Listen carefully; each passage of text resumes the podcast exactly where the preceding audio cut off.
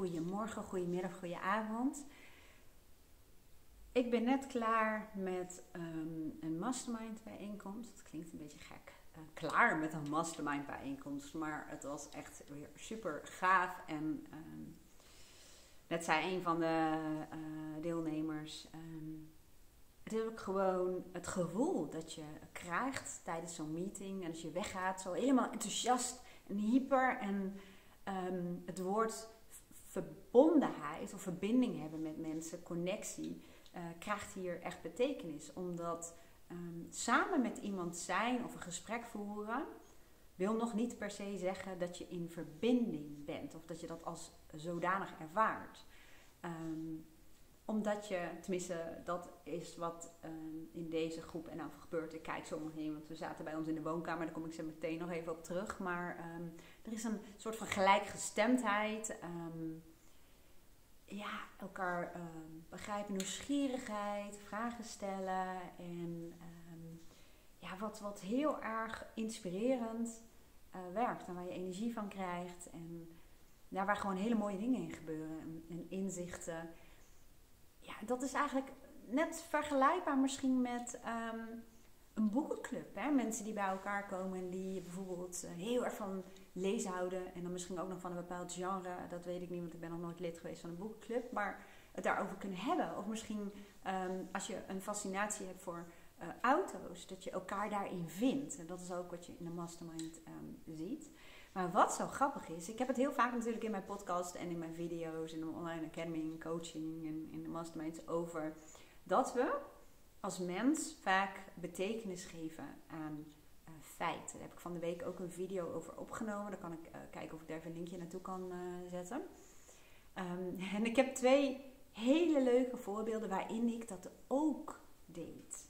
Um, um, namelijk, het is nu 19 uh, januari 2024. En bij ons ligt er nog heel veel sneeuw. Ik kan zo meteen wel kijken of ik even een rondje kan draaien met de camera.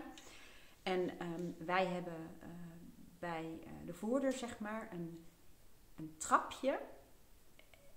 Wie dat heeft bedacht, dat trapje, die heeft denk ik maat 32 gehad, schoenmaat. Want het zijn hele kleine treetjes. Het is best een stel trapje. En um, ik ben daar vorig jaar, uh, toen het ijzelde, echt gigantisch van afgevallen. Echt, um, ik heb mezelf een soort van gelanceerd. En uh, ik dacht dus oké, dus als, als het heeft gesneeuwd of gevroren, dan uh, moeten we dat trapje even vermijden. Adam had vanmorgen al helemaal schoongemaakt en hout, hout en zout gestrooid, gisteravond ook. Um, maar ik zei, weet je, ik leg er een hark op.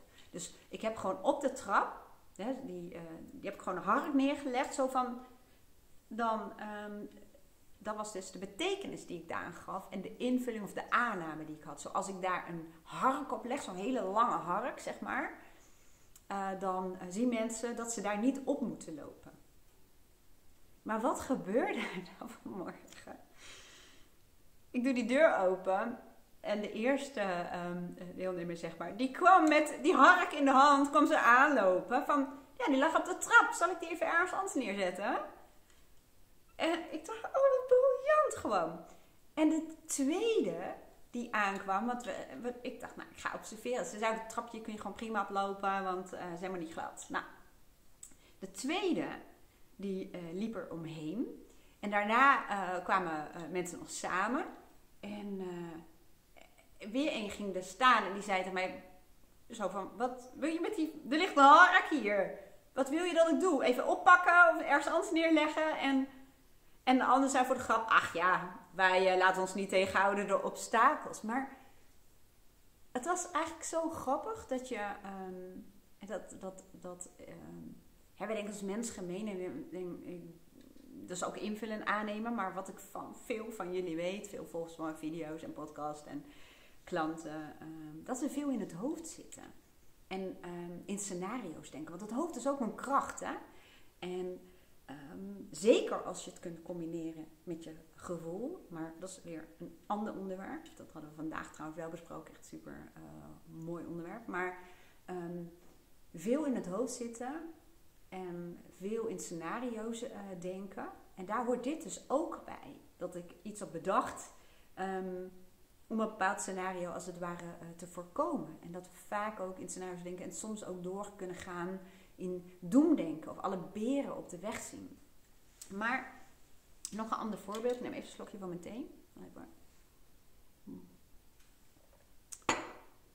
van die labeltjes, dingen die erop staan. Nou, werd weer even afgeleid. Maar in elk geval ehm, had ik nog een voorbeeld die ik ook heel grappig vond. Uh, wij hebben twee katten, een kater en een poes, en een um, Rhodesian Ridgeback, een hond.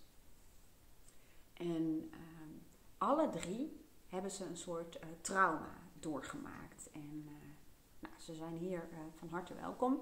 En daar hebben we ook bewust voor gekozen, om het zo te zeggen.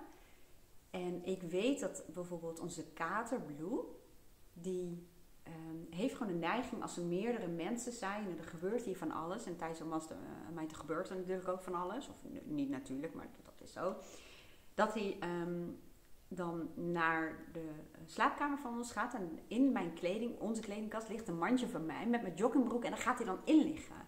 En dan als uh, iedereen weg is, dan pas komt hij eruit. Dat is een beetje het patroon uh, van uh, de afgelopen tijd.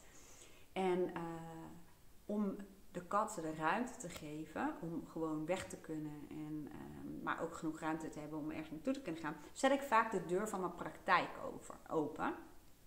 Want de masterminds die we hebben, dat doen we meestal gewoon bij ons in de eetkamer of in de woonkamer. Gewoon lekker bij de open haard, gezellig.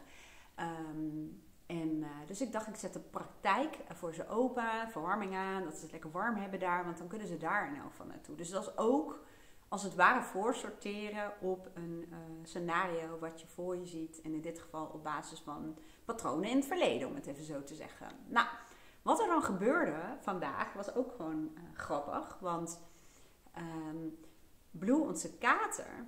Nee, eerst Luna, de poes, zeg maar, die, uh, die kwam er gewoon zelfs bij liggen. En dat ik dacht, oh, wat grappig. En toen vertelde ik nog van dat we nog een kater, iedereen weet inmiddels dat we die kater hebben hoor, ze hebben wel eens een keertje gezien. Maar um, nou, dat is wel beroemd als even die erbij zou komen. En het grappige is, we zaten hier zo te praten en wie komt daar aan? Die kater.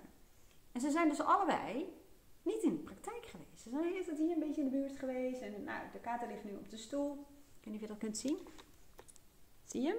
Daar. Even kijken hoor. Uh, hoe ga ik dat doen? Zo, zie je? Ja, hier zo. En de ander ligt in de kattenflat, zoals wij die noemen. Een soort appartementencomplex, maar dan voor katten. En Dex die ligt daar. Nou, die lag daar niet hoor, die zat bij mij. Ik zit dan, dan daar, zeg maar. En hij ging achter me zitten. Nou, kijken of dat nog lukt. Maar zo zie je dat we. Um, en dat is ook het is ook logisch. Het is ook niet mijn um, intentie om te zeggen. Nou, je moet helemaal niet meer in scenario's denken en geen voorbereidingen meer treffen. Maar um, wat ook een onderdeel van mijn coaching is, is om minder absoluut te denken. Dus om wat genuanceerder te denken. Dat komt ook uit de rationeel-emotieve training. Um, die heel kort door de bocht eh, stelt van niet een bepaalde situatie zorgt voor bepaalde gevoelens en emoties, maar de gedachten die je erover hebt. En gevoelens en emoties zorgen weer voor bepaald gedrag. En bepaald gedrag zorgt weer voor uh, bepaalde resultaten. En heel vaak gaan we heel erg absoluut um, denken. En nou laat ik deze twee voorbeelden die ik eerder noemde even los. Maar um, ik probeer even een ander voorbeeld uh, te bedenken. Even denken hoor. Mm. Ik haal er eentje uit. Bijvoorbeeld um,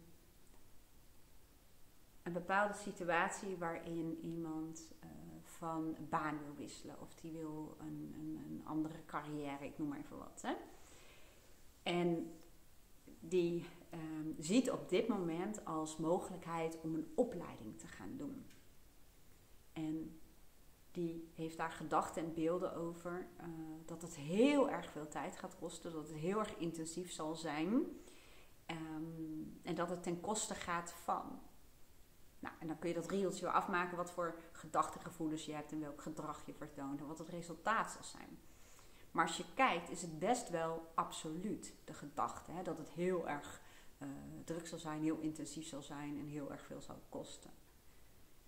En door wat genuanceerder te denken, dus door um, die gedachten te gaan onderzoeken, zul je merken dat er ook heel veel andere mogelijkheden ehm, gaan ontstaan.